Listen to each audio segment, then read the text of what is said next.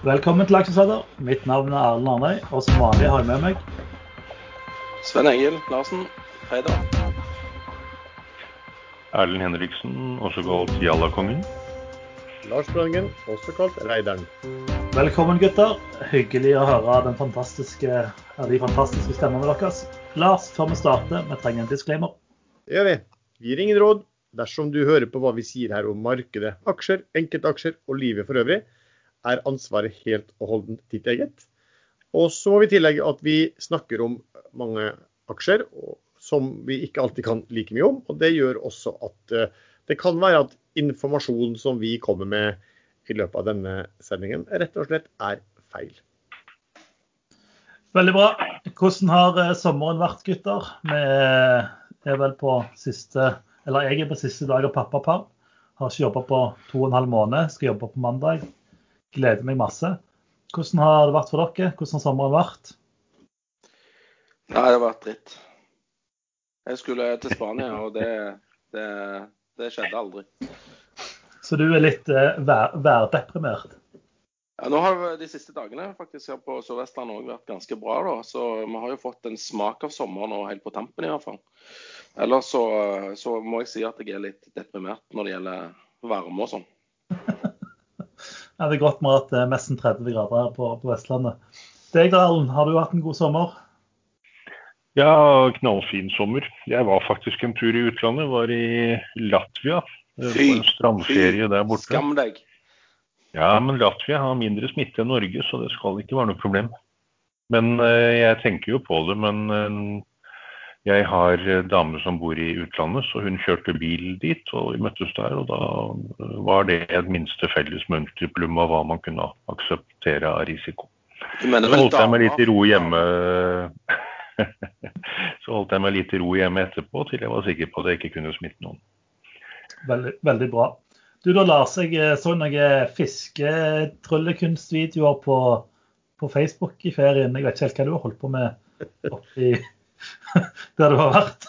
Jo da, jeg har vært i, på Nordvestlandet, jeg vært i Molde og så vært på Trøndelagskysten egentlig. og kost meg der og fisket. Det har egentlig vært ganske brukbart uh, vær. og Når man har kommet tilbake igjen og vært her en periode nå, så har det jo på Nesodden så har det jo vært eh, flott vær på um, Østlandet også. Så ikke så, ikke så værsyk som uh, unge Larsen.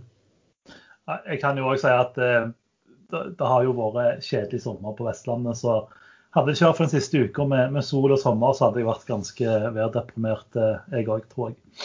Men vi får jo alltid klager når vi snakker om sånne hyggelige ting, så da må vi jo gå rett over på, på, på aksjer. Eh, man kunne jo lese i eh, Finansavisen her for et, et par dager siden at det aldri har vært enklere å tjene penger på børsen. Hva tenker dere om det? Det tenker jeg er en som ikke har så god erfaring fra børsen, som eh, skriver noe sånt, og som har hatt flaks med, med oppturen som har vært siden krakket i mars. Og Så får vi se hva samme person skriver eh, litt utover høsten. Du da, Sven, som er på en måte daytraderen vår. Har det vært lett å tjene penger? Jeg vil tro at det har vært veldig enkelt å tjene penger, fordi alt har jo steget, bortsett fra Eh, det, bortsett fra ting som, eh, som eh, går i Altså bærprodukter. De har jo da som regel sunket. Men det, det er ganske artig. fordi at Hvis du ser i USA, så er det en, en dude som heter Dave Portnoy. El Barstol Presidente, som drev med sånn sportsbetting før. Han driver, ja, han og, og. Ja, han driver jo nå og snakker med aksjer og slått seg opp og har 1,7 millioner følgere på, på Twitter. Eh, og han, han, han, velger jo aksjer. altså Han tar to fire Scrabble-brikker, eh, altså fire forskjellige bokstaver, for å sette de sammen, og så kjøper han den aksjen, og så stiger den aksjen.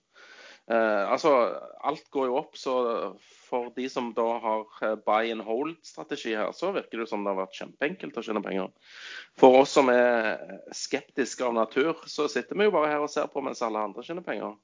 Uh, jeg har jo litt longs sjøl, men allikevel. Jeg føler jo at uh, uh, Ja. markedet går og går, og det er happy birthday. Men nei, jeg ser på med undring. Men eh, kanskje vi skulle innført sånn nytt segment der på en måte istedenfor tips så sitter Sven og, og trilter skabbelbrikker og, og lager tikkere som vi skal kjøpe. Se om det Ja, det er mulig vi må ha globalt, da, for det, det, er ikke så mange tikkere på Oslo Børs. da, Så vi må gjerne utvide spekteret vårt litt. Men sånn, men, sånn, men sånn kommentar om at det hvor enkelt det er å tjene altså det er liksom sånn, Man må sette ting litt i relasjon. da, så det, det, kanskje, det kan man sitte og si etter den voldsomme oppturen som har vært da siden mars. Men jeg sitter jo unektelig her og ser på year to date OBX, som er ned nesten 10% Det føles ikke sånn. Nei, så, men hvis du liksom eh, har gått all in eh, fra nyttår og kjøpt OBX og sittet der hele tida, så er du ned altså 10% så, så det med at dette er så kjempelett Ja, hvis du, er, hvis, du, hvis du har vært heldig med timingen inn der, og du, og du sitter i de riktige eh, segmentene som har fått oppgang, så har du fått en voldsomt fin oppgang. Men sånn generelt sett så har det altså dette vært et dårlig år eh, for, for, for, for OBX-aksjene. Det skulle jo egentlig bare mangle, da, når du har Ja. denne pandemien, at det ikke skulle være et dårlig år. Men, men det som slår meg, er jo på en måte at uh, veldig mange har jo på en måte heia opp indeksfond som verdens beste ting, men de har jo vært drit i år fordi Obex og co. er ned. De fondene mine som har gått best, det er jo på en måte de som har truffet disse få aksjene som har gått fryktelig, fryktelig godt, mens resten på en måte er ganske rødt og kjedelig.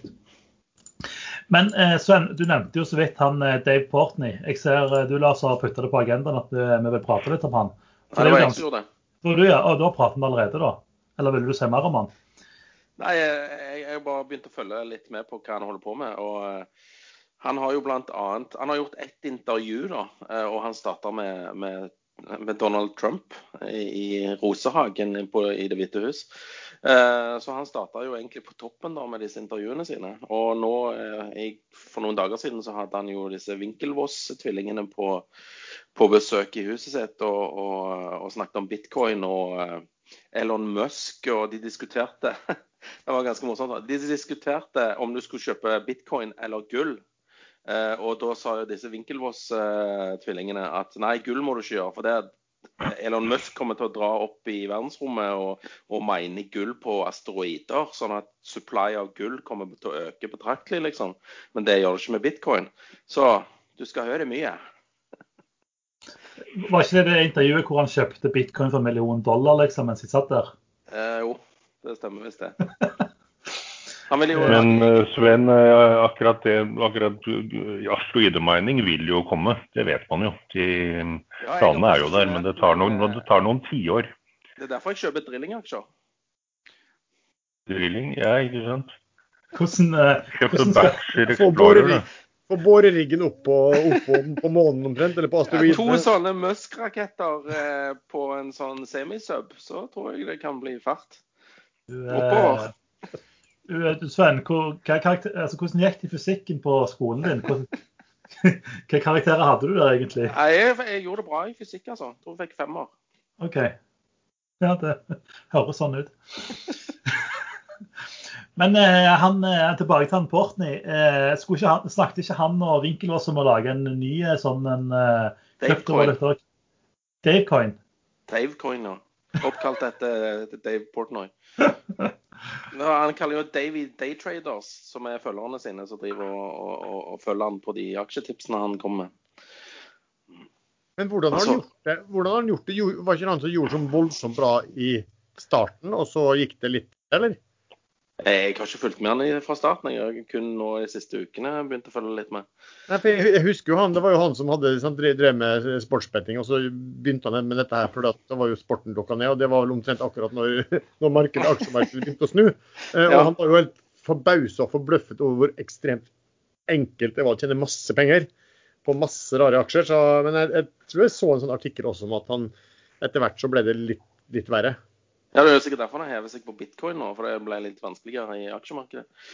Men uh, han har jo fått en uh, enorm påvirkningskraft da, uh, når han liksom starter med å, å bli invitert i The White House, og Donald Trump nærmest forguder han fordi at han ene sønnen sin liker han veldig godt. Så, Er det et kompliment? eh, Hæ? Hvis du skal få mye altså- føl følgere på Twitter, Ja, så er det et kompliment. Eh, Ja, så han har Jo, jo, men eh, Trump forguder jo en eh, lege i USA som, eh, som påstår at halvparten av kongressmedlemmene egentlig er øgler fra, fra dette universet til han scientologisjefen som styrer USA. Men er det ikke de deilig er med folk øgler, som tenker de- litt annerledes, da? Jo, det kan man si. Krydder i hverdagen. Nei, men han eh, Portnoy, tilbake til han. Eh, han han eh, hadde jo, eide jo, var jo deler av et sånn medieselskap som ble solgt for sånn 600 millioner dollar eller et eller annet.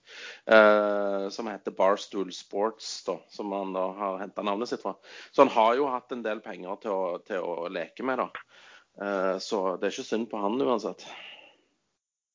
Nei, og det virker jo som han har Han må jo klare å kapitalisere på alle følgerne sine på en eller annen måte. Så Nei, det er morsom, eh, morsom eh, fyr. Jeg vil ikke på en måte Jeg syns det er gøy å følge han, men jeg tror ikke, jeg tror ikke man bør følge tipsene hans for nøye. for si det Jeg sånn. skjønner ikke hvordan man eh, orker å høre på stemmen hans.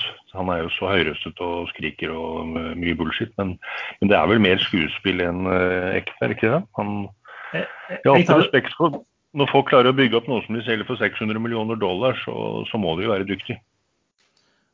Jeg tar det som underholdning, og så vet du du kan skru ned volumet hvis det blir for høyt. Det er pro tips, har jeg hørt. Så, så vi må bare gjøre sånn som han gjør, da. Så, så får sikkert vi òg 1,7 millioner følgere på Twitter snart. Ja, kanskje du starter med sånn sportsbetting, eh, Sven, og så inviterer Jeg er ikke så god på det. det, det er, Erlend kan kommersialisere den gubbkupong-tipsene sine. Eller kjøre sånn live radiosending under mens børsen er åpen, og så sitte og brøle til hverandre hva man akkurat da, da kjøper, liksom. Se for deg eh, det blir sånn ekstrainvestor trading-chat med stemmer. Det hadde blitt helt grusomt, faktisk. OK. la, la oss hoppe videre. Eh, Lars, du skrev eh, NAS eh, på lista. Er det noe nytt du vil prate om? Nei, vi har egentlig snakka om den litt mye, men det var vel mer at vi, vi har jo snakket uendelige ganger om sannhetens øyeblikk. Ja. Eh, og det kom jo denne uka her. Eh, var det på mandag så ble det frigitt en eh, milliard aksjer som da var eh, trykket, men som da ikke var lov å selge. Nå hadde jo da mange fått med seg der eh, og gjort det forarbeidet og fått med seg det på forhånd. Eh, sånn at børskursen hadde falt ganske mange dager i, for, i forkant også. Men den falt jo da ganske voldsomt på hva var det på mandag. Den falt ja, 15 falt den da på mandag. Og da hadde den falt altså 15% på eh, fredagen også. Så de dagene da før altså, Til og med mandag, da, som var frislipp, så hadde jo, hadde jo liksom av de siste ti dagene hadde de falt åtte sånn. Så de har liksom falt fra ja, 2,50 og ned til ja, 1,25 i dag. Så eh, her var det alle disse ufrivillige aksjonærene som vi har snakket litt om, som eh, fikk sine lån omgjort til aksjer. De hadde ingen interesse av å eie aksjer i, eh, i Norwegian Air Shuttle, så de, eh, i hvert fall en del av de har da begynt å eh, bare selge ut. Og Janne Nabkille i Sverige ble kanskje overrasket over at det ikke var kineserne som var på vei inn for å kjøpe Norwegian. Det var kinesere som hadde lånt Norwegian penger, og som fikk eh, aksjer, aksjer de ikke ville ha tilbake. Jeg, jeg er faktisk litt imponert over at Norwegian-kursen ennå er såpass høy som den er. Altså Den er jo 25% over den berømte krona som alle aksjene er konvertert for. Nei, aksjene Nei. ble ikke konvertert. Eh, Yellow ble konvertert på 4,20, var det vel? 4,24, hvis jeg husker riktig. Ja. Men eh, det som slår meg, jeg kikker på den eh, Norwegian eh, aksjonærlisten, her, så åttende største aksjonær er faktisk Norwegian Air Shuttle ASA. Med 78 millioner aksjer. Hvor de kommer fra, det, det, det lurer jeg litt på. Er ikke det dette de aksjene de skal bruke til disse personalprogrammene sine? 78 millioner aksjer, det var litt mye. Ja, men de koster jo ingenting. Altså, nei, jeg vet ikke. Men vi, vi fikk òg et interessant Jo, det er jo aksjer for eh, 100 millioner kroner nesten. Så eh, jeg så de solgte 16 millioner eh, av den posten, eller reduserte den med 16,8 millioner fra, fra, fra etter onsdag til og med mandag. Si Men de har jo ikke meldt noe de handling gjør i disse aksjene. Så det er litt merkelig. Det, det står her siste uken så er den eh, posten økt med 61 millioner aksjer. Ja, i dag er den ned, altså Hvis du ser på dagens liste, er den ned med 3,8 millioner. Hm.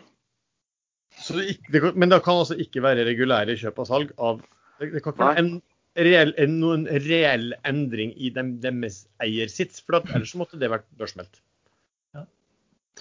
Men vi har fått et ganske interessant spørsmål i forhold til Norwegian. og Den som lurer på eh, hva med å kjøpe NAS-aksjer til 1,25 kroner, for å så leie de ut til short? For det har jo vært ganske gode renter å hente på short.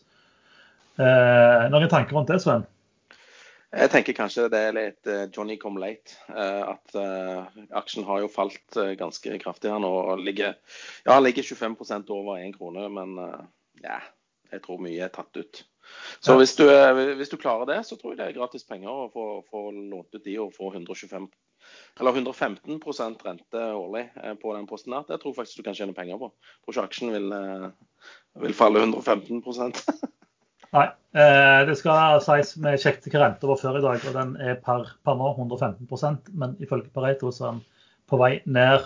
Så får du 115? Ja, kanskje. Jeg ville ikke gjort det. Men jeg syns det er litt kreativ måte å altså det, det, det er et bra spørsmål fordi han tenker annerledes enn mange andre. Så jeg syns det er kreativt, men eh, gjerne litt seint ute. Skulle gjerne gjort det før eh, den store dumpen kom. Men det som overrasker meg, er at det er ikke omsatt for mer enn eh, 39 eller 40 millioner kroner i den aksjen. Så det er eh, noen og 30 millioner aksjer. Hvorfor pøses det ikke ut mer på raskere? Nei, du kan si det. Det er kanskje ikke så mye å, å ta imot. da. Det, det er jo litt sånn som Sven sier, at de som har fått disse aksjene, eh, långiverne, de har en eh, ganske høy de har en høy konverteringskurs. Nå, nå, nå ville jo sikkert de forvente seg at de ikke ville få tilbake de, de pengene de hadde lånt til selskapet. Men så, det kommer jo en eller annen grense for de også. Eh, hvor mye er de interessert i å ta i tap på det som egentlig var et lån? ikke sant? Eh, og det kan godt være at, så kan godt være at hvis de har konvertert langt opp på firetallet, at de ikke er veldig interessert i å selge på 1,20. Ja, Det jeg egentlig vil fram til, er at hvis de hadde trodd at NAS skal konke, så hadde de kanskje vært villige til å dumpe raskere, uh, uansett kurs. Uh, så her er det nok noen som har visse forhåpninger til at selskapet overlever. Men de kommer jo til å gå, gå tom for kontanter igjen nå i vinter. Så eh, spørs om ikke det kommer en nasjonalisering eller noe sånt.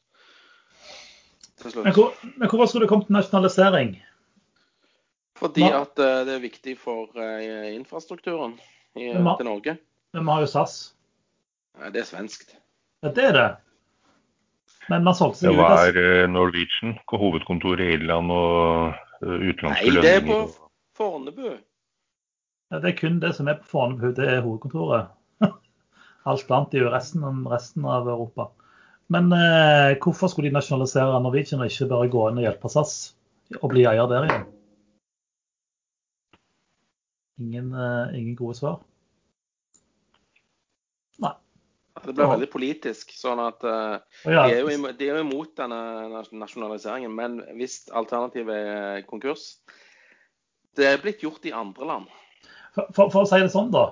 Jeg altså det hadde vært kult å ha et norsk flyselskap. Og hvis du ser på en måte hva svenskene og danskene gjør med, gjør med SAS, så er det jo på en måte å bygge arbeidsplasser på, på Arlanda og, og i København. Sant? København er jo største, flyplassen er jo største arbeidsgiveren i Danmark.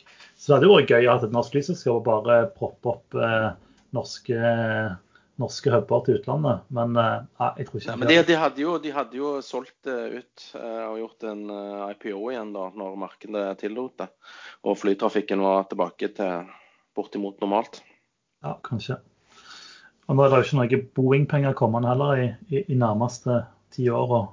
Så nei. Eh, la oss eh, springe videre. Eh, noen av dere som har kjøpt gull eller sølv?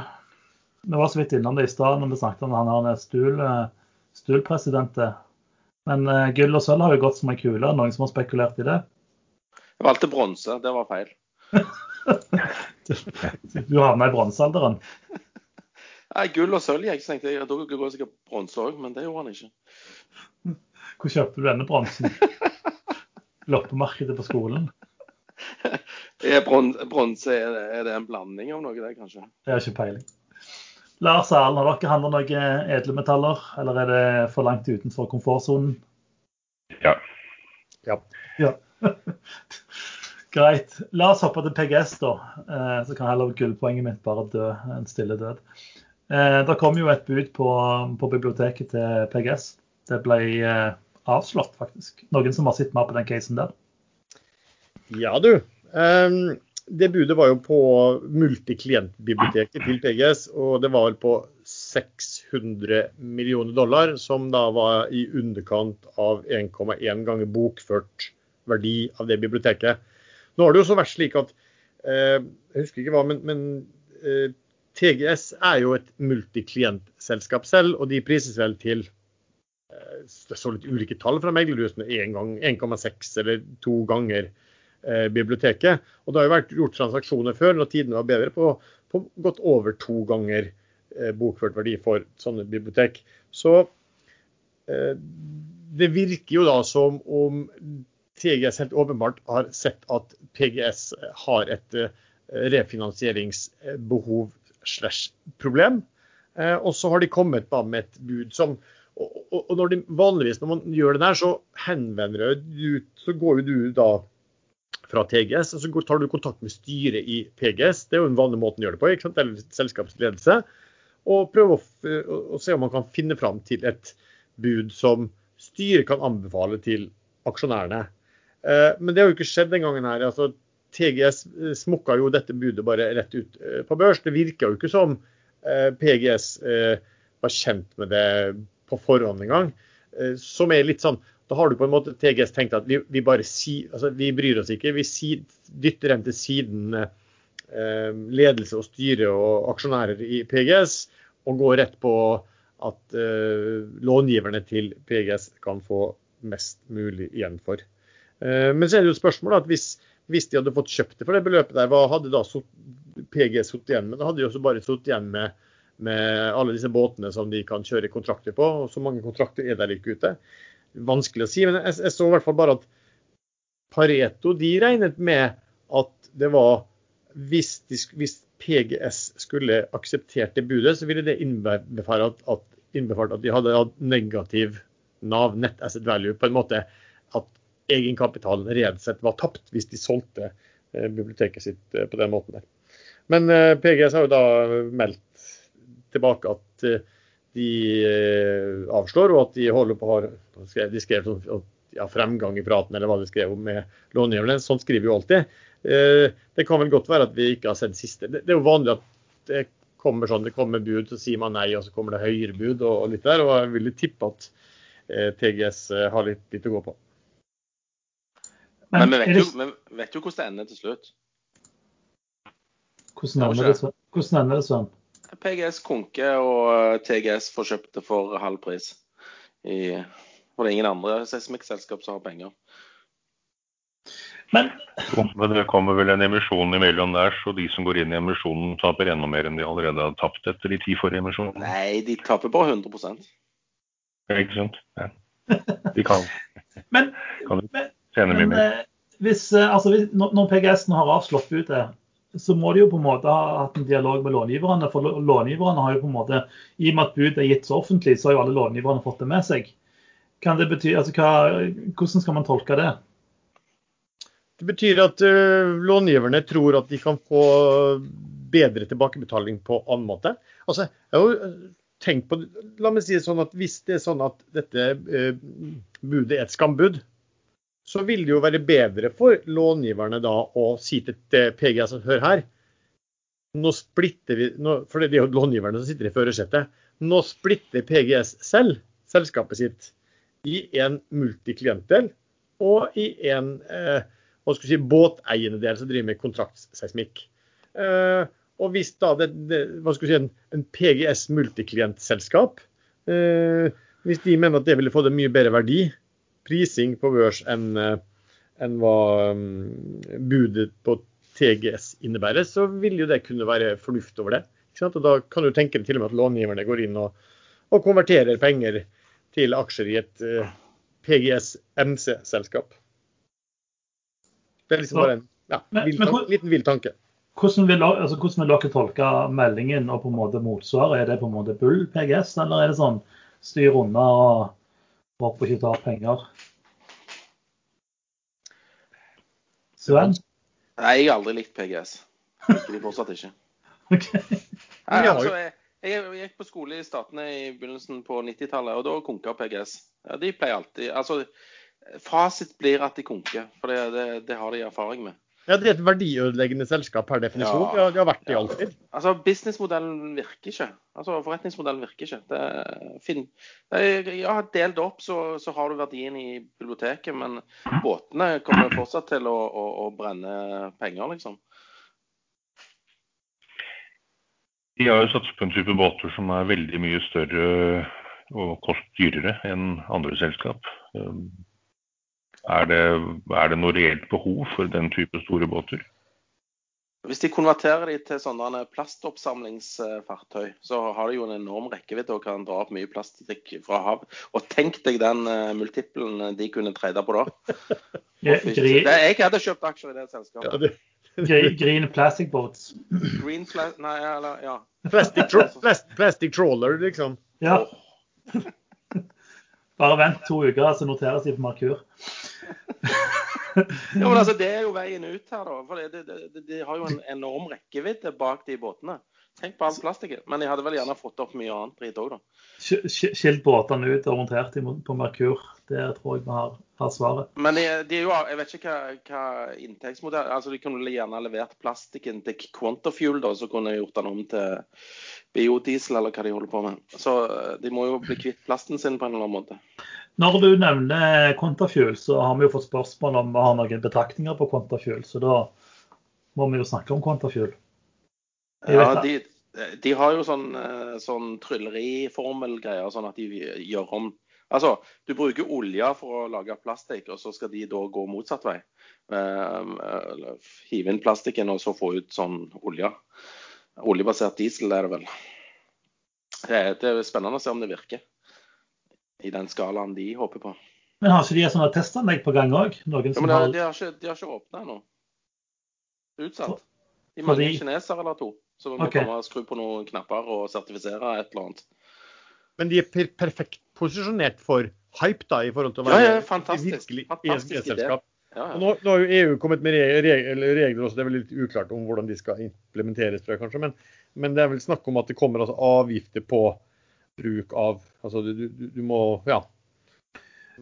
Det bare avgift, avgift på bruk av plastikk, men avgiften er vel i forhold til det du ikke får resirkulert. Altså, all plastikk som på en måte kastes og ikke kildesorteres eller gjenbrukes, den blir avgift på, tror jeg. Eh, jeg så jo at Lego faktisk har investert hva er det 200, altså Lego Group har investert er det 250 millioner kroner i, eh, i eh, Quantafuel. Så jeg syns det er litt kult. Jeg har ingen Men det er litt spennende med Lego, da, for de òg lager jo de tingene sine av plastikk. Så det, de ser kanskje en synergi der. At Ja. de kan eh, hive inn brukte Lego-klosser til Quantafuel da, og få penger for det. Ja, de, skal, de har faktisk eh, Lego har et kjempeprogram for å lage klossene sine mer miljøvennlig. Ah. Ja. Men de er ikke notert, da. så Men eh, nå må vi kjøre et lite språkkurs her. Det heter plast på Norge, ikke plastikk. Plast. Heter det ikke plastikk? Nei. Jeg har sagt plastikk hele livet. Ja, jeg vet det. Alle gjør det. Det heter plast. Jeg er inne på Språkrådet nå, så det, jeg tror faktisk eh, Erlend har helt korrekt. korrekt. Det heter ikke korrekt, det heter rett. Men det som er noe av clouet til eh, Kontafuel, er jo at de får betalt for å ta imot plast. Så det gjør regnestykkene ganske interessante, eh, Det er sier de som har regnet på det. dårlig for PGS, da. Hvis de må betale for å bli kvitt plassen sin. Ja, det var et godt poeng. Da blir det ikke noe PESG-sikker ut av PGS-en. Jo, men det kan jo, det kan jo hypes litt da, før, han, eh, før, før alle innser at de må betale for all plassen de renter i havet. Men eh, Erlend, vi har fått et spørsmål som på en måte kun du kan eh, besvare. Eh, og det gjelder eh, hvor lenge skal vi vente på Lifecare? Nei, Lifecare eh, blir jeg litt skuffet over. Der har styreformannen øh, øh, solgt jevnt og trutt. Det viser seg at i den dealen hvor dette tyske selskapet ble opprettet, som ikke er noe datterselskap, men som er et selskap som Lifecare har en eierandel i på 25% um, Dvs. Si de har ingen kontroll over det selskapet. Der, der ble 15% av de aksjene i digital DD, vet dere for noe, Digital Diagnostic, delt ut helt gratis til tre, tre i ledelsen i Lifecare. Styreformannen fikk 5% helt gratis. Og to av lederne i Lifecare fikk til sammen 9,9% er det vel. Så det 14,9 gikk til, da, til tre i ledelsen i Lifecare helt uten kompensasjon. Jeg kan ikke skjønne at det er lov for et uh, norsk børsnotert selskap å gi en sånn kompensasjon til uh, sine ansatte. I hvert fall ikke en tillitsvalgt styreformann. Um, uten at dette i det minste må godkjennes på en generalforsamling. Eh, hvis man er smart nok til å legge fram et sånt forslag fra en generalforsamling, og det blir godtatt, da er det nesten ingenting eh, som er ulovlig. Men det har de ikke gjort. Dette er gjort eh, helt utenom det meste, tyder det på. Så jeg håper egentlig at noen tar tak i dette, her, at det blir et etterspill av det. For sånn skal man ikke ha det. Eh, men digital diagnostikk er jo fremdeles interessant, og femminutterstesten som man trodde skulle være klar rundt april-mai, den er ennå ikke godkjent av amerikanske FDA eller det tyske eh, motstykket. Eh, men den kommer nok plutselig, den godkjennelsen. Jeg kan ikke skjønne hvorfor det ikke skulle bli godkjent. Og da vil nok aksjen gå. Eh, nå er det én storaksjonær som har solgt og solgt uh, lenge, etter at tre-fire andre solgte og solgte lenge og solgte seg helt ut. Uh, det er da Bekken Vest, som er Bergen-selskap med Friele på eiersiden. Men det er også et sånn såkornfond-lignende sak, så det, er ikke unaturlig at de selger seg ut på rundt 6,50 nå, etter at de har vært med opp fra 2-3 kroner og sittet noen år. Eh, kursen stakk plutselig voldsomt opp til over syv kroner var det vel eh, nå på slutten av forrige uke. Eh, og da benyttet han sjansen til å dumpe over to millioner aksjer. Og har på gårsdagens liste han 4,5 millioner igjen. Så da begynner det å nærme seg slutten. Og da vet man jo at sånne aksjer ofte går noe voldsomt når en storaksjonær er helt ute. Men jeg syns det er litt risiko i et selskap som tillater den type eh, fordelsbehandling av ansatte og spesielt styreleder. Eh, nå har ikke jeg sett avtalen som ligger bak dette her, men eh, jeg vet via bakveier at dagens styre ikke er helt happy med den avtalen. Så Life kan sikkert bli bra kursmessig, men man må ha dette i bakhodet. Mm. Bra svar på Life noen som har eh, sett på denne koarekylen som har vært det siste? Eller en, av, uh, en i toppledelsen solgte jo en fjerdedel av aksjene sine. Nå var det ikke veldig mye, 1,2 millioner aksjer uh, på 19 øre. Så det er ikke store beløpet det er snakk om, men det, det gir jo et lite signal, kanskje. At uh, 19,2 øre var for mye. Men Fredelig og, og Spetalen og flere av de som kjøpte aksjer, da, fikk aksjer på 10 øre de har jo skuffa ut. Og de, de, siste de skuffa ut, gikk vel eh, da rundt litt i overkant av 12 øre. Eh, og så fikk du da en veldig rekyl når de var oppe igjen. Og også fått over 50 rekyl eh, når de var ferdig. Det har vært en vanvittig hva skal vi si, evne til å ta unna aksjer eh, til salgs. I Coa har vært veldig likvid eh, aksje. Alt det, her, det, alt det her viser, det er jo selvfølgelig altså Du kan si at det var jo en dundertabbe av ledelsesstyret i forhold til de eksisterende aksjonærene å løpe, løpe utenfor de og, og, gjøre en retta emisjon på ti øre. Som de snudde seg rundt eh, med og fikk solgt med en gang. Ikke noe gærent for de som har tilbudt selskapet det. Eh, det er veldig smart av dem. Eh, men selskapet kunne og burde sagt nei. Og så, så skal man ta i mente at det her er jo litt sånn, litt sånn Vi var jo inne på det forrige gang, dette her med rettede emisjoner kontra fortrinnsrett for aksjonærene. Og Dessverre så er jo da reglene lagt opp sånn at det er mye lettere å gjøre en, en rettet emisjon enn å gjøre en fortrinnsrettet emisjon. Eh, krever mye mer tid, mye, mye dyrere å gjøre en, en, eh, en fortrinnsrettet emisjon, sånn sånn i, kroner, selv om, selv om en retta da kan komme til å koste aksjonærene reelt sett mye, mye mer penger. Men det, det er en sånn ting som burde vært endra i, i, i, lovverket. Det burde vært sånn at det er mye, mye enklere og billigere å gjøre det som det egentlig ment skal gjøres etter loven, og rette en emisjon mot de eksisterende. For Det er jo litt på en måte spesielt at de kjører en emisjon på ti øre, og så ligger kursen så mye høyere oppe når store deler av emisjonsaksjene dumper ut i markedet. Men jeg skjønner ikke hvorfor kursen er såpass høy, fordi KOA eh, sine fundamentale problemer er ikke løst. Det er ikke som at eh, europeerne springer og kjøper biler for harde livet, sånn at kundene til KOA kan handle masse varer fra KOA. Så jeg er veldig spent på hvordan det går med det selskapet videre. Jeg har ikke aksjer der og har ingen planer om å kjøpe aksjer der i nær framtid. Men, men hvorfor har folk slutta å kjøpe biler, da? Fordi eh, det er masse arbeidsledige mennesker. Det, viser, det virker ikke sånn på aksjeindeksene. De, kjøper jo, de kjøper jo veldig mye. altså Detaljhandelsselskapene og sånn ellers går jo kjempebra. Men ikke bil? Nei, det er, litt, det er litt sånn fascinerende det der egentlig. Og man skulle tro at folk blir noe redd for å ta eh, offentlig kommunikasjon også, og heller vil kjøre bil. Ja. For, for å unngå smitte. Så, så du, du, kan jo godt se for deg at, at, det der kanskje kommer tilbake så det suser etter med et opp, veldig stort, stort sånn oppdemmet behov. Men, men det er jo bare å se, altså, se, se, på på en måte de her tapstallene til de store bilprodusentene. Hva, hva, var det på en måte Volkswagen det, altså, det, Masse masse penger. altså dere Skulle tro at eh, de ikke produserte biler omtrent. Så det, jeg vet ikke hvorfor folk ikke kjøper bil, men når du ser på tapstallene, så er det jo eh, ja, ikke bra bortsett fra Tesla, de tjener jo alltid penger. Men det er de jeg tror en god indikator på når du skal kjøpe KOA og andre bilaksjer, det er når disse bilskipene som ligger i opplag i Farsund, eh, forsvinner. Der ligger syv eh, store bilskip der. Og de skulle ligge der til, til etterspørselen tok seg opp igjen. De ligger der fortsatt. Så, så, det man burde egentlig ha, var sånn varsel på marintrafikk når de beveger seg? Ja, ja. Notert. Da, da skal jeg gjøre det. Lagrene er vel fremdeles fulle av nye allerede produserte biler som, ikke, som de ikke fikk solgt da lockdown ble innført.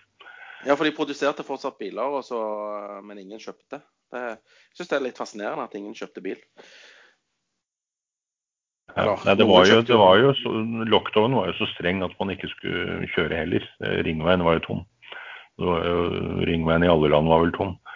Men Det er jo lenge siden det forsvant. Men for folk er kanskje redd for at det kommer tilbake, eller at man ikke tør å ta på seg store kostnader, unødvendige kostnader nå som man er redd for om det kanskje skjer en gang til.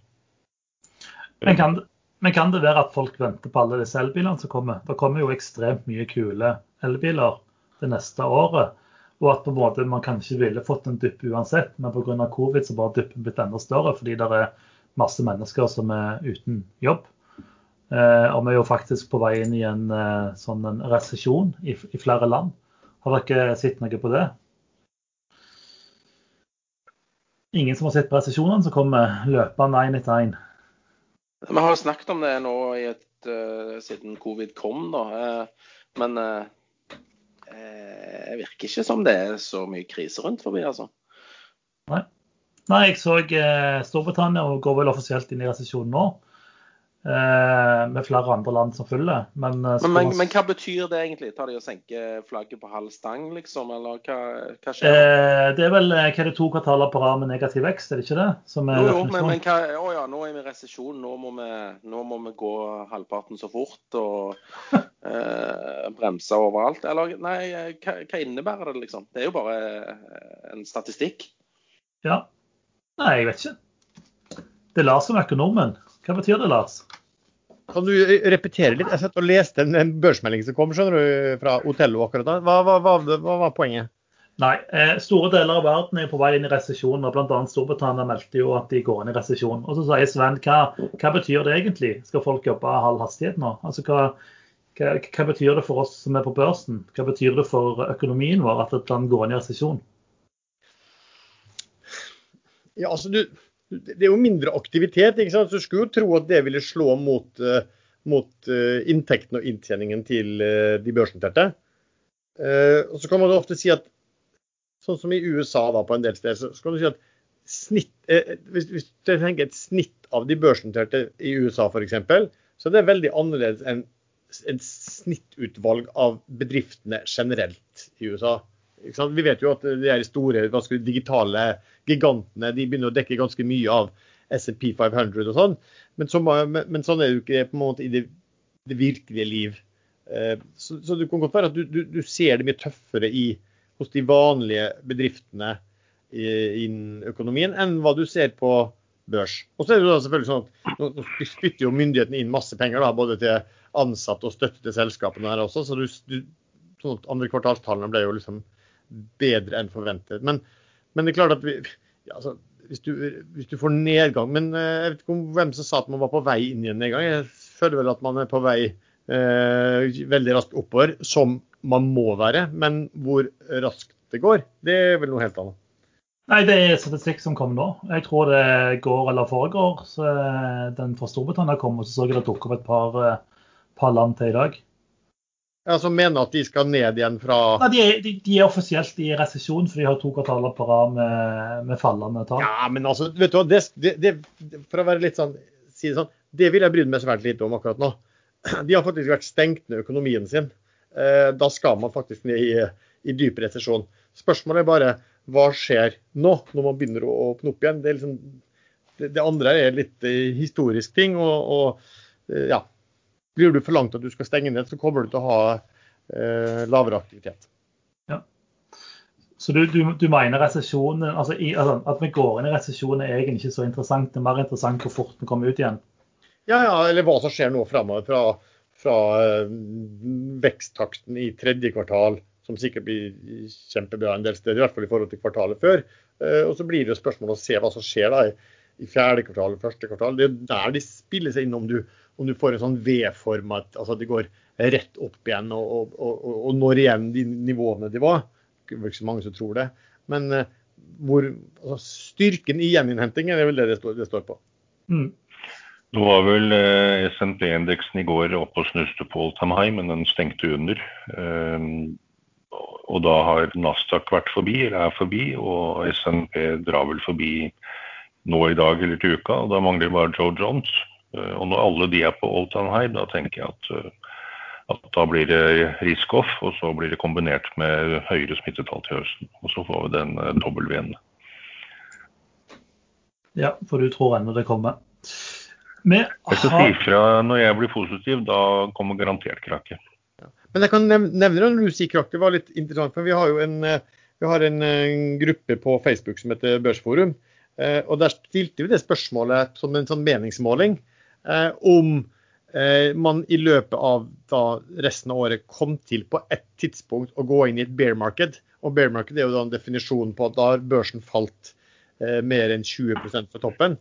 Jeg vet ikke hvor mange det var, noen var 600 hittil som har svart. eller noe. Og mer enn halvparten tror jo at man går inn Altså man kommer til å få et bear market nå i, da, i høst eller før nyttår. Um, og det er jo litt interessant hvis, hvis det er en, liksom en generell holdning blant folk at uh, ride on, men vi, vi, tror det kommer en smell. Men, men det med bærmarked er litt interessant, fordi vi ser jo at noen sektorer gjør det fryktelig fryktelig godt i disse tidene. F.eks. gaming. Eh, nå kom det jo eh, rapporter fra både Paradox, Stillfront og Embracer Group, som vi har snakket om mye tidligere denne uka. Eh, og de rapportene viser jo at de, har, de gjør det skitbra. Eh, det markedet er på en måte on fire. Altså Vi kan jo begynne med PDX, som da mellom best quarter ever for tredje eller fjerde kvartal på rad. Omsetningen opp 20% fra samme kvartal i fjor. Eh, operation profit opp 29 eh, så, så ser vi på Stillfront, så er omsetningen opp 148% Justert EBIT opp 159% og Embracer er på en måte likt. Så jeg er litt usikker på dette bear-markedet. Ja, altså, vi, vi, ser det jo allerede. Det er jo en del aksjer som ikke er opp, men det er mye selskaper som gjør det fryktelig godt. Eh, selv om på en måte det er mye negativitet, og så er det på en måte andre aksjer som gjør det dritdårlig. Så jeg er, ikke, jeg er ikke så sikker på dette bear-markedet, altså. Nei, det tror man ikke skal være, skal være, heller. For det er jo mye som kanskje altså, Poenget er jo bare at det pøses jo på med penger fra fra myndighetene. Jeg tror, jeg vet ikke om det var riktig, det var sånn noen som hadde kommentert og påstått at eh, The Fed hadde nå vært og kjøpt uh, bonds i, uh, i uh, Apple også. og noe mer, hvis det er riktig, noe mer menings, mening, meningsløst kan man jo ikke tenke seg å bruke av nytrykkede penger på. Men de kjøpte jo i og for seg i Berkshire Hathaway også Warren Buffett sitt, sitt selskap. Men, men, det som skjer da, altså på, man tenker på gaming og det vi har sett i en del selskap som har gjort det veldig bra, det er jo at myndighetene går, altså de kommer med pakker som gjør at folk får mer penger gjennom hendene. I USA så var det jo sånn eh, oversikt på at, at veldig mange hadde nå hadde fått mye mer penger mellom hendene som permitterte arbeidsledige enn hva de fikk før. Eh, så du, du, har mye penger gjennom hendene fortsatt. Og så er det en hel del ting du har brukt penger på før, som du nå ikke kan bruke penger på. Mm. Og hva gjør du da? Sparer du? Du gjør kanskje det litt også, men du bruker mer på de hva skal du si, digital, En del ting du, det du kan bruke penger på, det bruker du da eh, mer penger på. Det tror jeg vi har sett. Eh, og så er det da spennende at da jubler alle, alle og så blir de veldig høye multipler på det. Men når man får en normalisering, så kan det jo være at den andelen du bruker på den type eh, penger, vil falle. Ja, og, det er jo litt interessant òg, fordi PDX, eller Paradox prater jo veldig mye på dette i rapporten sin. hvordan de hvordan de så at omsetningen økte i Q2. Altså Q2 var veldig bra. Eh, og så sa de at når det kom nærmere sommeren, så ser man òg at folk spiller mindre. fordi de ser jo på en måte hvor mye mennesker som spiller spillet deres enhver tid. Eh, og det er igjen sant, Folk har mer penger, folk har mer fritid, folk sitter hjemme. Eh, hva bruker man penger på? Jo, det er digitale ting. Eller i Norge så når ting åpner opp, så går man og handler. Retail har gjort det fryktelig mye bedre enn mange frykter. Eh, skal vi ta en eh, kjapp reklamepause, og så er vi tilbake om, om, om et par minutter. Dagens sponsor er IG.com. IG.com er en stor nettmegler med kontor, hovedkontor i London og kontor for Norden i Stockholm. Lars, vi ser jo at eh, når det nærmer seg helg og børsen stenger, så kommer fort abstinensene. Men på IG så kan man handle litt lenger enn børsen. Hvor lenge kan man handle på IG? Ja, det er riktig. Altså, IG har døgnet rundt-handel. Eh, der kan du handle i eh, helgene. Og, og du kan legge altså, ordre både i plattformen deres på weben og i eh, mobilappen. Men IG har jo også en annen eh, plattform. Hva er det, Erlend? Jo, de har en plattform som heter Pro Realtime. Det er en handelsterminal hvor du kan handle og gjøre analyser. Eh, du kan eh, legge inn varsler på aksjer som gaper opp eller ned enten ved åpning eller stenging, eller med uvanlig omsetning. Eh, I tillegg så kan du teste strategier uten at du gjør faktiske handler. Eh, men hvis folk vil teste dette, Lars, hvor, eh, hvor går de da henne? Jo da, da går man på ig.com. Eller så følger man eh, lenken som følger i beskrivelsen til denne episoden. Gutter, vi har fått et spørsmål til som jeg tenker vi skal diskutere. og det er har vi noen betraktninger rundt makten i forhold til det med tipser, og eventuelt frontrunning av tips? Eh, fordi vi kommer jo med tips, eh, ofte veldig gode tips, av og til dårlige tips. Eh, og så er det jo folk som lurer på hva tenker vi på at vi ofte eier disse aksjene med tips om osv. Hva tenker panelet om det? Lars? Sven? Ja, du. Nei, altså det er jo kanskje, Vi har, vi har jo snakket om at det er kanskje litt eh, dumt å kalle det et slags tips. Altså, men det er, jo, det er jo da sånn at alle vi driver jo og uh, kjøper uh, aksjer, kjøper og selger aksjer. Uh, og folk har spurt veldig mye. Vi hadde episoder hvor vi ikke hadde noe tips. Og, og da har folk spurt og etterlyst det veldig mye. Så er det sånn, Vil folk at vi skal gi tips om ting vi ikke har lyst til å eie selv? Det blir jo litt meningsløst. Jeg kan også sitte og si at ja, jeg syns, den og den ser interessant ut, men det er ikke så interessant at jeg har lyst til å eie den selv det blir jo litt, eh, blir jo litt meningsløst. Så tipsene blir jo normalt eh, Ikke alltid, kanskje, men det er normalt ting som vi eh, syns er så bra at vi eier det selv. Så, jeg, jeg, må, jeg, må, bli litt tøffere der. Jeg tipset jo akkurat om at eh, Life kan stikke opp når storselgeren er ferdig, men jeg, har, jeg eier ikke noe Life nå. Life Care. Nei, men det, vi, snak, vi, snakker jo om aksjer, da, men jeg tenker litt mer sånn på akkurat det vi, vi har som tips. Vi kan jo synes at selskap er bra, og så kan det være av ulike grunner at du ikke eh, eier det av ren sånn porteføljebetraktning, eller, eller at det ikke passer inn i strategien din, eller hva det er. Men eh, også er det kanskje sånn at folk følger litt med på de som har gått bra, og så har vi jo de som ikke har gått noe særlig bra også. Sånn vil det jo, sånn vil det jo alltid være. Så, men det jeg kan si, vi har, vi har, faktisk snakket om det her i panelet. Så det vi har sagt er at eh, når vi nå sitter og spiller inn, og skal kanskje komme noen tips senere, så er det ingen av oss som kommer til å kjøpe tipset som noen andre gir før episoden er ute blant folk.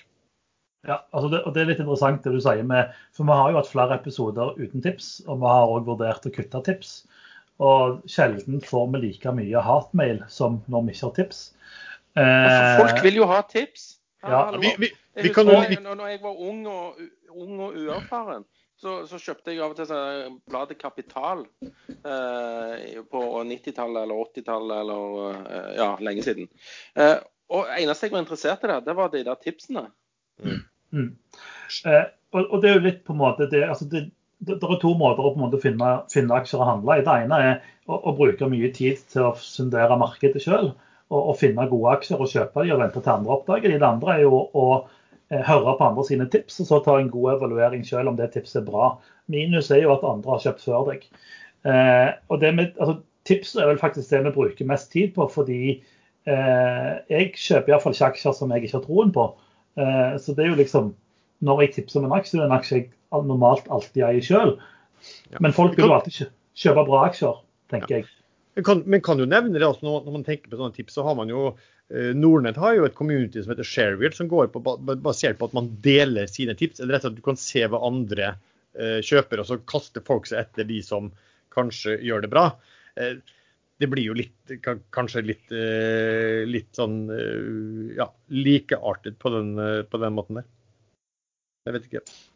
Ja, det er jo i real time. Så det vil si at den som da skriver at hva han har kjøpt, eh, han har jo da allerede fortrinnet. Og er man dyktig på det, så hiver andre seg etter, og da kommer man så, så lettere ut selv. Vi snakker om det vi kan, og det vi har tro på. Det som er den beste tingen med tipset, faktisk, som er min egen personlige erfaring, det er at flere blir interessert i sektorer som jeg liker. Altså, Jeg er jo relativt glad i gaming.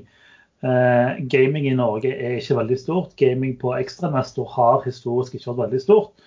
Men siden jeg nå prater ganske mye om gaming i eh, podkasten, så er det flere og flere som ønsker å diskutere gamingaksjer. Som gjør at jeg igjen får mer input, og flere vil diskutere med. Så jeg syns det, det er på en måte, det Dette er litt sånn gi og ta, tenker jeg. Så det, altså det er jo Du har jo, du har jo som plagsomt mange treff på disse gamingaksjene dine, og jeg har ikke kjøpt en eneste en av dem. Nei, og, og vet du hva? Jeg tror vi skal, En gang så skal vi på en måte gi ut ei bok med alle gamingtips jeg har sendt til Mr. Henriksen på PM på Ekstrainvestor. Og så skal vi kalle den uh, Henriksen Lost Trade eller noe sånt. Det er så mange. Kjøp denne, den kommer til å gå bra. Ja, ja. Nei, men, så det er på en måte Jeg tenker det er en eh, Det, det er bra. Ja, men er Er- Er- Er- Erlend kjøper bare Altså, Henriksen kjøper kun uh, tikkere som har uh, sluttet på. ME. Ja, det, Nei, nå har jeg ingen, M- nå har jeg ingen ME-aksjer. Men kan vi si, men kan, men kan vi si det sånn det, det, det er hyggelig at folk spør oss om tips, og det er jo litt morsomt å snakke om tips. Jeg syns det er gøy, og jeg er jo spent senere. Hva, hva, hva er det liksom Erlende Erlend og to ganger Erlend og Sven nå har funnet fram til? Men vi vil jo at folk tenker selv, setter inn i selskapene selv, og tenker selv og gjør egne beslutninger. Det er alltid det beste. Selv. Selv. Selv. Selv, selv. Bye, bye. Men, men, men dette, minner, dette minner meg faktisk litt om eh, analyser. Hvis du på en måte sier at det har kommet en ny analyse på Softox, så er det 99% de spør etter hva, hva er kursmålet. Sant? Det minst viktige analysen det er kursmålet. Det er all teksten rundt som er viktig. Sånn er det jo med tipset vårt òg. Drit i hva tipset hør heller hva vi sier. Det er liksom alt, det er jo infoen rundt som er viktig. Vi sier vel faktisk, men det, vi sier, det er vel faktisk ikke ofte jeg har hørt noen her har snakket om et kursmål. Vi har sagt hva vi har tro på, men ikke Kanskje vi skal begynne med det? Nei. Ja, da kan vi treffe med enda bedre. Kursmål 1000! ja. Nei, men, men, men, It's now or never. det, det er mer bare poenget, liksom. Altså, det er liksom hva er, det, hva er det minst viktige analysen? Jo, det er kursmålet. Det er all på en måte teksten rundt som er viktig. sant? Og Det samme tipset vårt. Det er en som eh, takker for at eh, vi er ekstremt kunnskapsrike og, eh, og, og vet mye. Dere merker at jeg plukker kun de spørsmål som er positivt lada. Eh, så det som er på en måte spørsmålet, er liksom hvor, hvor skaffer vi all den informasjonen ifra? Hvordan, når vi på en måte skal lese oss opp og, og lære mer, hva, hva kilder bruker vi? Siden vi alt tydeligvis er vandrende orakler. Ikke vær Det er jo faktisk ikke noe annet enn hardt arbeid. Det, ligger mye bak. eh, litt løst snakk som vi har. Um, Hallo? Finans, finanspressen, altså masse ulike medier på nettet og alt der som du tråler litt uh, Ja, alle har sine steder hvor de leter etter uh, informasjon. Og så, ja, sånn er det. Dark web. Men man må faktisk lese børsmeldinger. Man må lese mer enn overskriften nå. Uh, og i regnskapet må man lese notene. Jeg kan godt hoppe over halve regnskapet, men notene må man få med seg. Ja. Ja Sven, du er på Darknet. Det, det er bra. Da lar vi den ligge. Eh, personlig, eh, jeg, jeg, prøver jo å, å, å, lære mest mulig om gaming, som på en måte en sektor jeg liker. Eh, jeg syns det er Nei, veldig... liker, liker du gaming? Aldri. Spiller aldri dataspill. Eh, jeg syns det er veldig mye støy på egentlig alle fora og, og, Twitter. Så på en måte du skal prøve å lese alt på alle forum og, og Twitter og hele greiene. Og skjer vel, så blir du, dør du i støy. Eh, så mitt tips er å finne folk som er litt smartere enn deg, som ønsker å snakke med deg. Det er litt derfor jeg sitter på Aksjesleder, fordi jeg har pratet mye med Lars privat, og mye med, ikke så mye med Sven, og litt med Erlend. Og så ja, Finn smarte mennesker som kan mer om de aksjene du liker, og prate med dem. Det er en, en, god, en god, start. Eh, og så har jeg mye, mye, folk jeg kjenner i bransjen jeg investerer i, som jeg snakker med, som på en måte gir meg in, input som på en måte jeg ellers ikke finner. Og da slipper man å lese. Et godt tips er å snakke med en du vet er negativ til den aksjen du selv liker. Det er faktisk eh, meg og Erlend har, eh, har, en del diskusjoner hvor vi er ganske uenige. De som følger oss på Ekstrainvestor vet at vi f.eks. er ekstremt uenige i politikk. Og det kan bli ganske morsomt å lese. Eh, men, men, når vi diskuterer aksjer, så hender det òg at vi er ganske uenige. Og det er noen av de beste diskusjonene jeg har. fordi når Erlend er, negativ, så prøver han å finne alt negativt for å vinne diskusjonen. Eh, og Dermed så får du en ganske god diskusjon på en måte på er dette en bra eller en dårlig, eh, dårlig aksje. Og Det sparer deg òg for å lese 5000 foruminnlegg om hvorfor du skal kjøpe aksjer eller aksje-P. Så eh, Lars, noen eh, tips, tips på hvor, hvordan du finner informasjon? Nei, det er bare å, bare å lese, finne fram til innenlandske og utenlandske finansmedier. Og, og ja, lese hvis du har analyser du får fra meglerhus, så lese gjennom det og bare være rett og slett litt uh, nysgjerrig. Det finnes mye bra på sosiale medier også, der folk skriver og, og kan mye også. Så ja. Jeg pleier å benytte meg av hackere uh, til å skaffe informasjon. Det funker for meg. Ja. Var det de som, eh, de som lånte den der koden til tastaturet òg? Nei, Hvis dere har fulgt med i media, så har dere sett at Petil, altså Petroleumstilsynet, nå har hatt to hackerangrep siste måneden. Og Det er jo greit å, å, å, å komme seg inn der, og, og, spesielt hvis du eh, investerer i, i borebransjen. Jeg har faktisk sykt mange kule historier om sånne hacking-greier, men jeg kan ikke fortelle noen av dem. Men en dag Aksjesladder live, da skal dere høre fortelle mye bra. Nei, nei, jeg snakker bare tull, og det regner jeg med at 99 eh, av lytterne skjønner. Ja, ja. Siste, siste, siste, prosenten er opptatt med å innlevere en sånn anmeldelse allerede. Men eh, det du du snakket om Petroleumstilsynet, at det har vært hackerangrep der. Og de er jo selvfølgelig folk som vil eh, kan være folk som vil ha ut informasjon om selskap som eh, har levert inn noen rapporter som ennå ikke er børsmeldt. eller PSEF, Petroleum, de børsmeldte jo Petroleumstilsynets NPD, hva heter det for noe? NPT?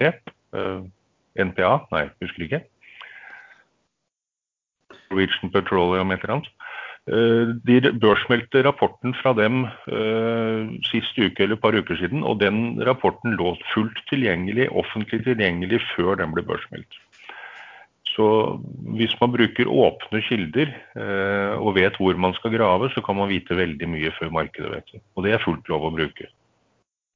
Det, det som faktisk er interessant, siden jeg er sånn IT-mann, er jo at det er, det er ganske mye målretta angrep som går på å hente børssensitiv informasjon før det er tilgjengelig for det øvrige markedet. Eh, en annen, en annen, hendelse denne uka, eller siste uka var jo en, eh, det er jo to berømte aksjesplitter på gang nå.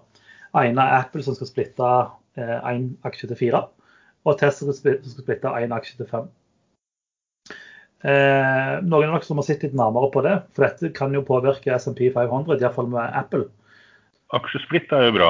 Tesla skal jo da splittes selges på fem, og da er det faktisk veldig mange i markedet som tror at jøss, nå er den billig, og så man, kjører man kursen opp til mer enn den reelle delingen på fem faktisk er. Det skjer gang på gang.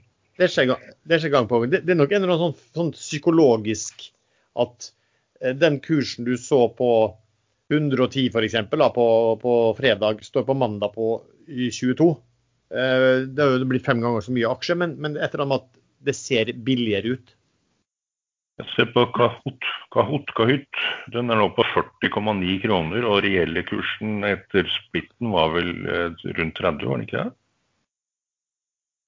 Jo, kanskje, jeg husker ikke hvordan det er. 30 33, et eller annet. Men på Apple Apple er jo på en måte det på 500. Hvordan, vil ikke den splitten der påvirke vektinga i forhold til den indeksen? Nei. Nei? Nei. Sikker på det? Ja. Jeg Det er samme market cap. Market capen eh, forblir den samme, eller det stiger kanskje. Men du blander med Dow Jones, for den baserer seg på nominelle aksjekurser. Så hvis det hadde splitta en eh, Dow, Dow Jones-indeks-komponent, så, så hadde det faktisk fått innvirkning på, på den indeksen. Sykt, men sant. Men jeg trodde det Det var noe snakk om at den eh, I og med at aksjekursen for Apple går fra 450 til 115 ikke eller noe sånt, ville påvirke et eller annet. Det er, Ja, er Apple i Dow Jones? det er vel på S&P 500, er ikke det? Jo, jo, men S&P 500 det er markedskapitaliseringsvekta, mens eh, Dow Jones er, er vekta på nominell aksjekurs. Den er faktisk på Dowen òg. Ja, da vil det ha innvirkning på Dow Jones. Hvordan, hvordan er virkning da? Ja, det, aksjeindeksen vil eh, falle hvis det da ikke er gjort mekanismer for dette her, som det burde vært. Skjønner. Ja vel. Hvis min teori stemmer om at det kommer ikke noe knakk før også Joe Jones er i all her, så vil det ta enda lengre tid, da. Ja, men Det må jo være en slags mekanisme som, eh, som, eh, som rydder opp i sånne ting. Nei, jeg, vet- jeg vet ikke. Det er derfor jeg spør. Ja, Nei, Jeg har ikke gått inn i detalj på dette, men jeg vet eh, forskjellen på Doe Jones og de andre indeksene er at den baserer seg på nominell aksjekurs. Og en aksje med høy aksjekurs uh, teller mer i indeksen enn en som har en lav aksjekurs. Det er Ja, for du- ganske du vet- sykt. Du er så greia med Apple at på en måte den eh, ja, gjør det. Men eh, ja. Nei, jeg har ikke lest meg opp. Jeg bare så det dukke opp. Eh, vi har fått latterlig mye spørsmål om denne Aker Solution spin-off-greiene som er på gang, Lars. Ja, Har du åpna? Ja. Ja, det er faktisk eh, siste dag i dag, hvis du skal få eie de eh, aksjene. Altså, Det har jo vært litt komplisert å regne på dette her. fordi at eh, Aker Solution er jo foreslått eh, fusjonert med eh, Kværner. Eh, og der Aker Solutions-eierne skal eie et sted fra 47 til 57 eh, først, Men først så skal da altså Aker Solutions-aksjonærene få utdelt aksjer i et eh, datterselskap. Det skal, de skal spinnes av, deles ut. Og den, de går X i dag. Og det ene er vel sånn Carbon Aker heter det Carbon Capture, eller hva det heter. Eh, og det andre da eh, er eh, Vind, et vindselskap. Som de nå har gjort eh, emisjon i. Henta 500 mil til hvert av de eh, to selskapene som ble meldt eh, ferdig i dag. Eh, og så er det da litt sånn at Aker prises jo da eh, altså Bytteforholdet i forhold til Kværner stemmer ikke overens med hva prisingen av disse som skal spinnes av, hvordan de prises nå i emisjon. Eh, som da sannsynlig forklares med at markedet antar at de, disse grønne spin-offene skal bli prisa mye høyere på mandag enn hva eh, emisjonskursen er. Så på mandag, så det vi vil se på mandag, er jo at, er at eh, Aker Solutions-kursen eh, den skal falle eh, betydelig. Men hvor mye, det er da veldig vanskelig å avgjøre. Og, ja. og, og all, alle disse andre selskapene blir notert når? I slutt, ja, De skal vel noteres på Merkur Markus sånn i utgangspunktet i, innen 14 dagers tid, tror jeg. Slutten av august, det er vel det som var sagt. Da, da, kom, da, kommer disse ut. Så, så, poenget er her har det vært litt, litt lett å regne på det. Men siden man også nå i en måned fra mandag av eh, skal ha en slags sånn flytende vekting av Aker Solutions mot Kverner i, eh, i fusjonen, der det kan gå fra at eh, Kverner eier 53% av det sammenslåtte selskapet, til at Aker Solutions eier 57 av det sammenslåtte selskapet. Det skal avgjøres av hvordan de to kursene beveger seg mot hverandre i snitt gjennom en måned, eh, etter at da man har gjort den utdelingen som skjer i dag.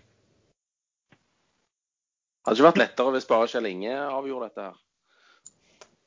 Jo, altså ja, altså så, som, som, Jeg har jo eid Kverner, snakka om Kverner her. Så syns jeg vel egentlig at den bytteforholdet ikke var sånn spesielt bra. Men så ser jeg jo det at hvis man da ser litt hvis man, De har jo holdt på med det her en stund og ser det litt lenger tilbake, så kan det godt være at det, eh, at det da var, var, var, rimelig. Så det er liksom litt vanskelig å si det. Men, men det er klart Det blir litt sånn Du, du får en litt sånn uryddig posisjon, men til gjengjeld ganske spennende sånn eh, tradingmessig og gjøre litt antakelser og, og, snakke om det. hadde vært litt, litt, lettere på alt hvis det var et fastsatt eh, bytteforhold mellom Aker Solutions og Kværner, men da hadde vi heller ikke hatt så mye å snakke om. Nei, for Det er jo tydelig at dette engasjerer folk når vi ser på, en måte på mengden spørsmål som har kommet inn på, ja, på, på denne splitten. Så... Men Var det noen av dere som prøvde å få tak i aksjer i, den, i de IPO-ene, ACC og Aker Offshore Vind? Nei. Jeg, jeg, leste litt om hvordan de skulle tildeles, og så regner jeg med at, uh, at, at det, det, sannsynligvis var litt håpløst. Du måtte nesten være i slekt med Røkke for å få aksjer? altså, det var, det, var, det var, litt sånn jeg så det, det Og Du ligger jo godt an i så henseende. Du er nesten gammel nabo, høres det ut som. Ja, I hvert fall samme by, ikke sant. Ja, ja. Ja, nei, jeg vet ikke om Det hadde, det sto ingenting om at det ville hjulpet på. Men de, de skrev litt om, om eh, hvor lenge du hadde vært eh, aksjonær i Aker Solutions, hvor stor aksjonær du var der. Det var en del sånne ting. Eh, godhet som og investeringshorisont. Så hvis, hvis, du hadde, hvis de antok at du ville, ville, ville flippe en sånn, så det, sto du neppe, så sto du ikke veldig høyt på den lista. Så eh, var, jeg syns det var liksom designa på at det var ganske klart at her ville de kanskje ha med seg en del eh, institusjonelle aktører, og, og gjerne kanskje som var på aksjonærlisten i Aker Solutions fra før. Så, så nei, jeg, jeg tegna ikke. Så det du sier, at eh, Sven hadde blitt svartelista før han hadde sendt inn fullmakten sin? Eh, Sven hadde ikke fått lov til å sende inn fullmakten engang, nei.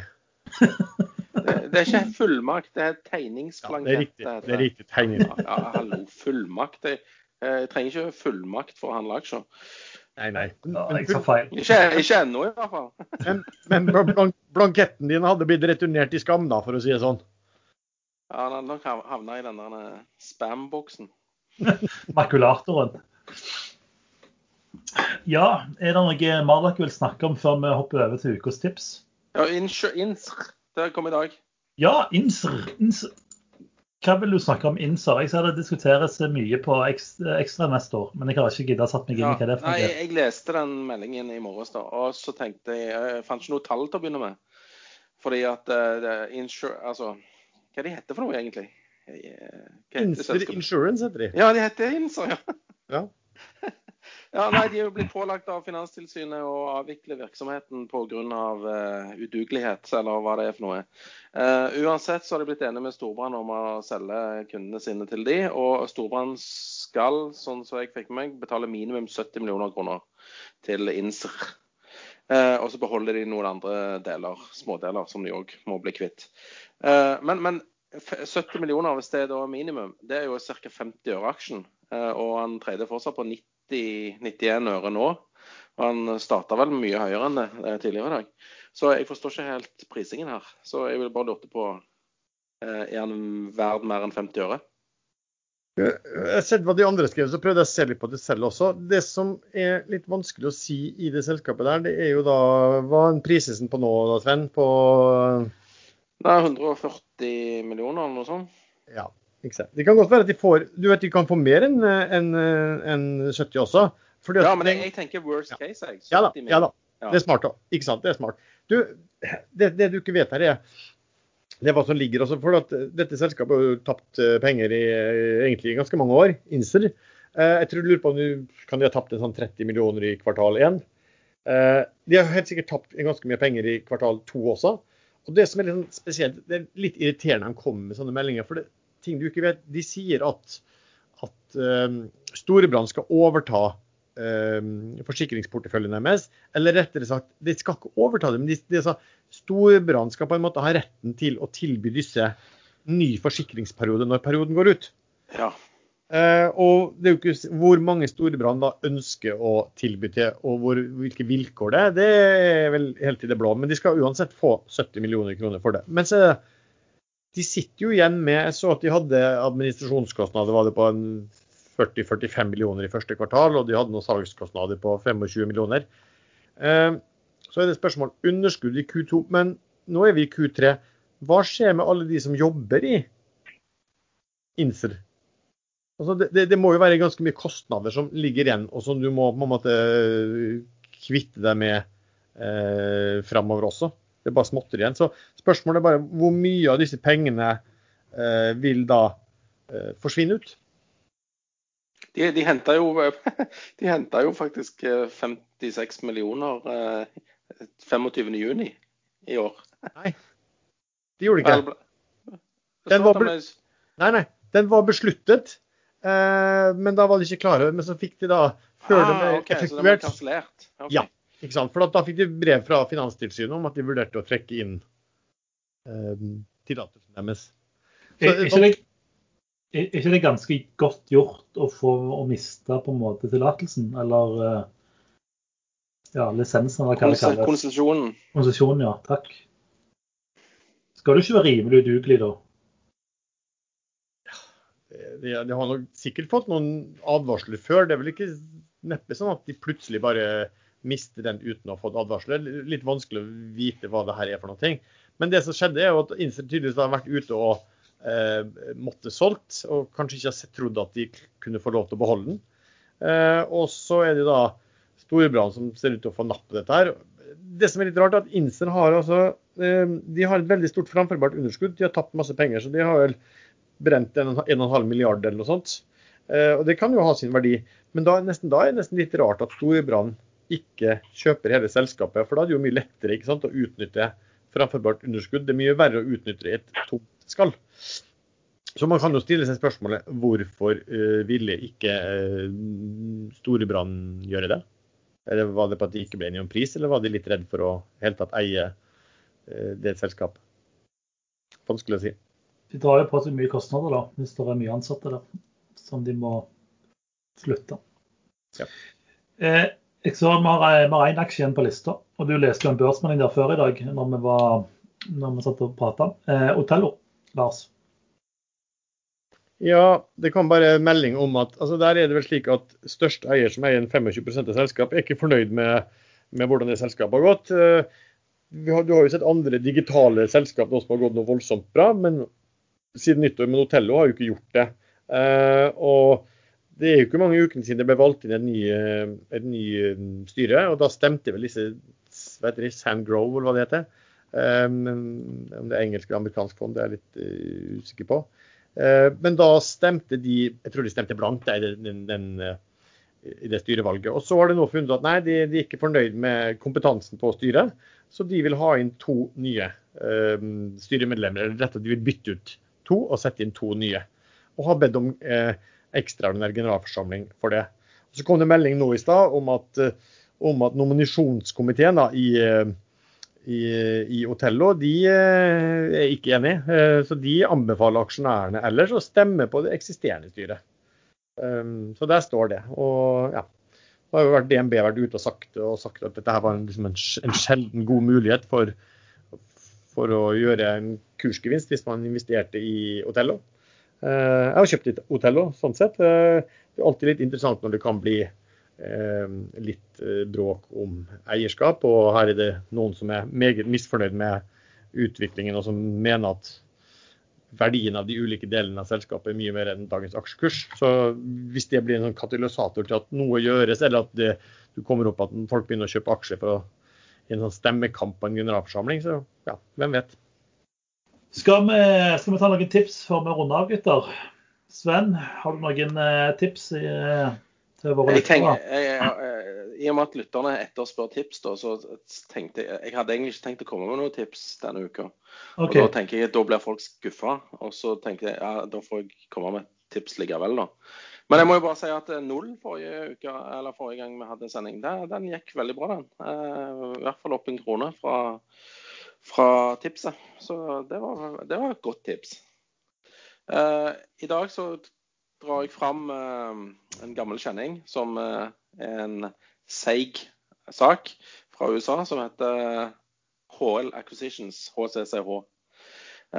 Den fusjonen med Fusion Fuel i, i Portugal går sin gang, og de feiler på papirer og alt mulig som skal gjøres før fusjonen trår i kraft.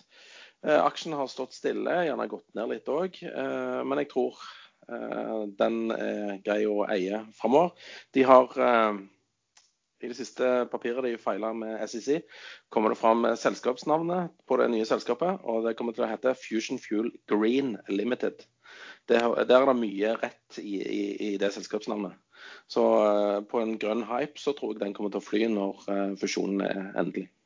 Kan vi ikke si sende inn papirene til sekk istedenfor feiler? Fordi uh, feiler høres ut som noe har gått galt. Å ja, ja, sånn, ja. Aktivere feiler, feile, altså sende Send inn. papirene til de amerikanske børsmyndighetene. Veldig bra. Noen andre tips? Jeg har ikke mer tips enn det. Nei. Erlend, Jo, jeg har ett tips. Aldri hør på tips. aldri hør på tips. Helt korrekt. Du er dum hvis du hører på tipsene våre. Erlend, hva er tipsene dine for ukens? Ja, nei, jeg har jo sittet og ventet på at markedet for eh, bankkort med fingeravtrykksleser skal komme. Og nå er det en del som tyder på at det faktisk også kommer. Eh, De store kortprodusentene de har laget avtaler med svenske Fing og med norske, to norske selskap, Swipe og Idex. Um, og på Swipe-kursen kan man jo se at her er det store forventninger nå. Den, den har gått nesten tigangeren uh, de siste uh, par månedene. Uh, par-tre månedene. Um, det som skjer er jo at uh, myndighetene rundt omkring de pålegger uh, kortselskapene å ha en uh, flerkomponentløsning for sikkerhet. Uh, og da blir fingeravtrykk en av de nødvendige delene til dette. Og med korona så er også brukerne mye mer villige til å kanskje betale litt ekstra for dette kortet for å slippe å taste inn på terminalen med fingrene sine. Eh, Så man eh, legger bare tommeltotten på, på fingeravtrykksleseren på kortet og holder den inntil terminalen, og så er det lest. Det er klart, eh, jeg har lenge trodd at uh, mobiltelefonen vil bli en stor og viktig konkurrent. Uh, Apple Pay og disse andre, man holder jo bare med mobiltelefonen inntil, så oppnår man det samme. Men det viser seg at selv Apple og Google, som, uh, som har løsninger for mobiltelefon, de, de har også lansert sine egne kort. Kort der du ikke er avhengig av mobildekning, og at folk somler rundt i lommene sine for å dra opp den telefonen. Så kort vil nok fortsatt være der. Og Idex, som er en aksje som ikke har klart å levere noe som helst uh, de siste 15 årene. Uh, det er vel en avlegger fra gamle Opticom. Uh, og Keat, som var en av de to togrøverne i Opticom, han er tungt inne i, i Idex. Men det er også flere andre norske som er tungt inne. Og bl.a. Vollberg med Ducat og Skøyen kjøper seg jevnt og trutt opp i det selskapet.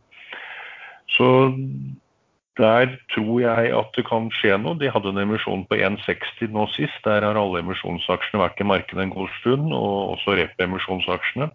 Og nå ligger den og vaker rundt 1,60, og plutselig stikker den opp. Og Idex har en vane for å stikke mye når den først stikker.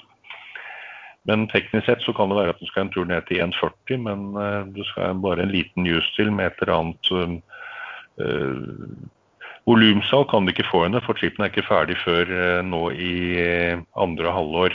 Eh, Dvs. Si nå sannsynligvis kvartal fire i, i år. Men de varsler volumsalg på nyåret.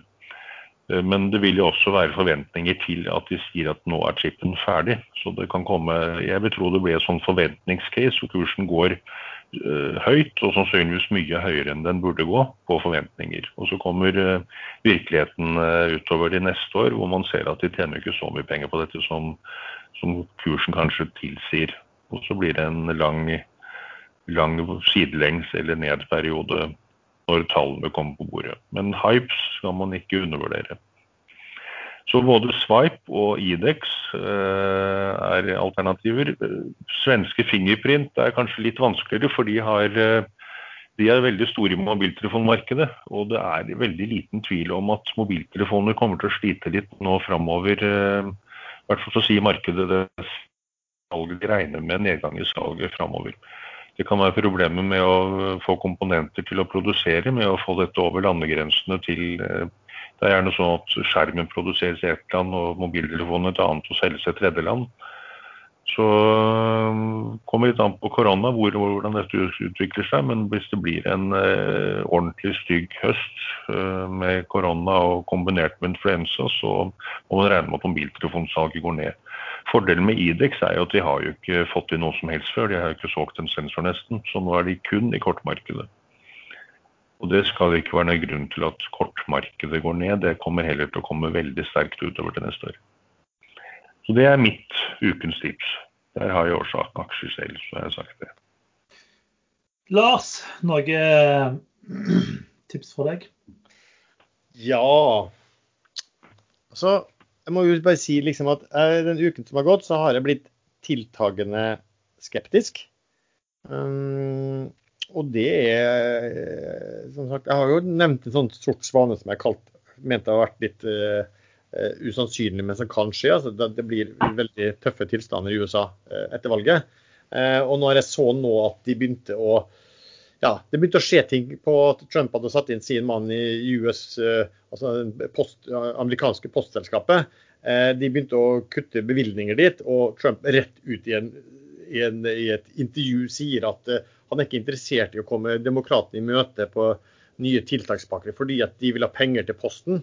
Og det er, bare fordi at, og det er jo fordi at og da sier han liksom at og det er fordi at de vil at man skal kunne håndtere eh, masse poststemmer. og Det var ikke han noe interessert i. Da begynner det å bli eh, veldig eh, skrai, for å si det sånn. Eh, på et marked. Men det ligger jo noen måneder fram, da. Men ja, akkurat nå altså Jeg så i dag eh, Det har jeg faktisk ikke gjort selv, men jeg så i dag en som, som jeg syns eh, virka litt logisk. Eh, vi har hatt noen gang, en gang, par ganger før der jeg har sagt long and short en, der man egentlig bare spiller på eh, forskjellen mellom eh, de to. Eh, og der ser jeg jo i dag at eh, man har viss sammenligning mellom Equinor, det, de priset, hvordan de er priset i forhold til oljepris, og Aker BP. Så mitt tips er da Eh, gå long Aker BP, gå short Equinor. Eh, da tjener du penger hvis Aker BP utvikler seg relativt bedre enn Equinor, og markedet ellers kan gjøre hva det vil. Bra. Jeg har eh, to tips denne uka, eller egentlig tre. da. Den ene er jo en aksje som jeg tipset om sist sending var med, som er vel en måned siden, snart tre uker siden. eller en måned. Og det er EG7, Enhet Global 7. Eh, de slipper den siste tittelen sin i år nå i slutten av august, eh, og de jobber òg med et oppkjøp. Siden sist har den gått en del. Det har kommet veldig mye positive nyheter eh, underveis. Men jeg tror det er mer, mer å ta ut på den. Ellers så har jo svensk gaming gjort det ekstremt bra. Så både PDX, Stillfront og Embracer er aksjer man kan se på hvis man vil gå long. Altså sitte lenge. Altså snakker da et år og to. Eh, ellers har jeg òg en eh, aksjeshort som jeg har drevet og shorta fram og tilbake hele uka. Og det er Royal Caribbean Cruise Line. Eh, eller Royal Caribbean Core. Royal Caribbean Group med ticker RCL. Eh, grunnen til det er at jeg tror cruise fortsatt er for dyrt priser. Eh, de har meldt om at de har god booking i 2021, men mye tyder på at den bookingen kun er passasjerer som skulle reist i 2020, som har blitt ombooka med en fordel. type eh, Skal vi booke deg om? Her har du en gratis roadshop på 200 dollar på drikke på båten. Eh, så jeg tror det er flere negative regnskapsbomber i de selskapene. Og Royal Caribbean var lett å få tak i shortaksjer. Prøvde å shorte Carnival Cruises, men der var det ikke ledige aksjer. Så det er tipset fra meg. Noe mer gutter vi bør prate om før vi logger av og tar helg? Jo, jeg, jeg fikk en artikkel fra um, The Guardian. Uh, jeg fikk den på, på Messenger. Um, det er en kineser, multimillionær, som bor i London, som, som nå skal tjene seg rik på å bygge om uh, kontorlandskap til noe han kaller cubes på tre ganger tre meter. Uh, og dette legger han fram som en helt ny idé på hvordan man kan jobbe under korona. For meg så minner dette veldig om gode gammeldagse kontorer. At man går inn en liten dør i sitt eget kontor. Og så lukker man døren Ja. Ja, når man vil være i fred.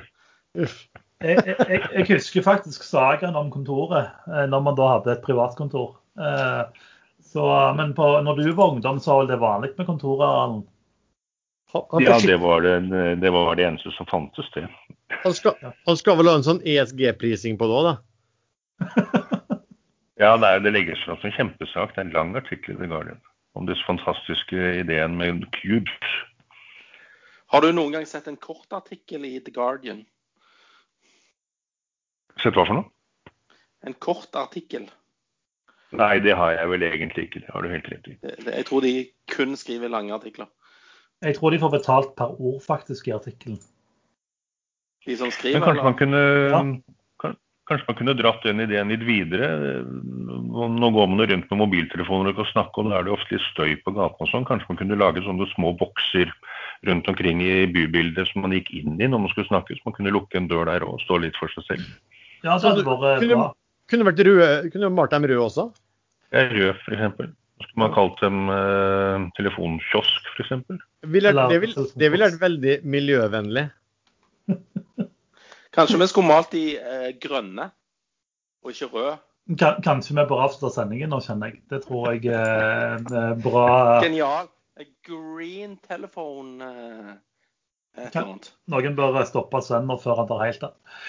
Vi takker for at du hørte på dagens episode av Aksjesladder. Eh, Husk å gå inn i oss fem stjerner på Apple Podcast. Det gjør at podkastene våre blir synlige for flere.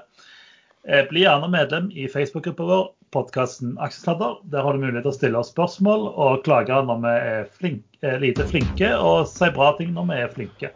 Eh, Musikken er lagd av Kjersti Skom, og så ønsker vi deg ei god helg videre.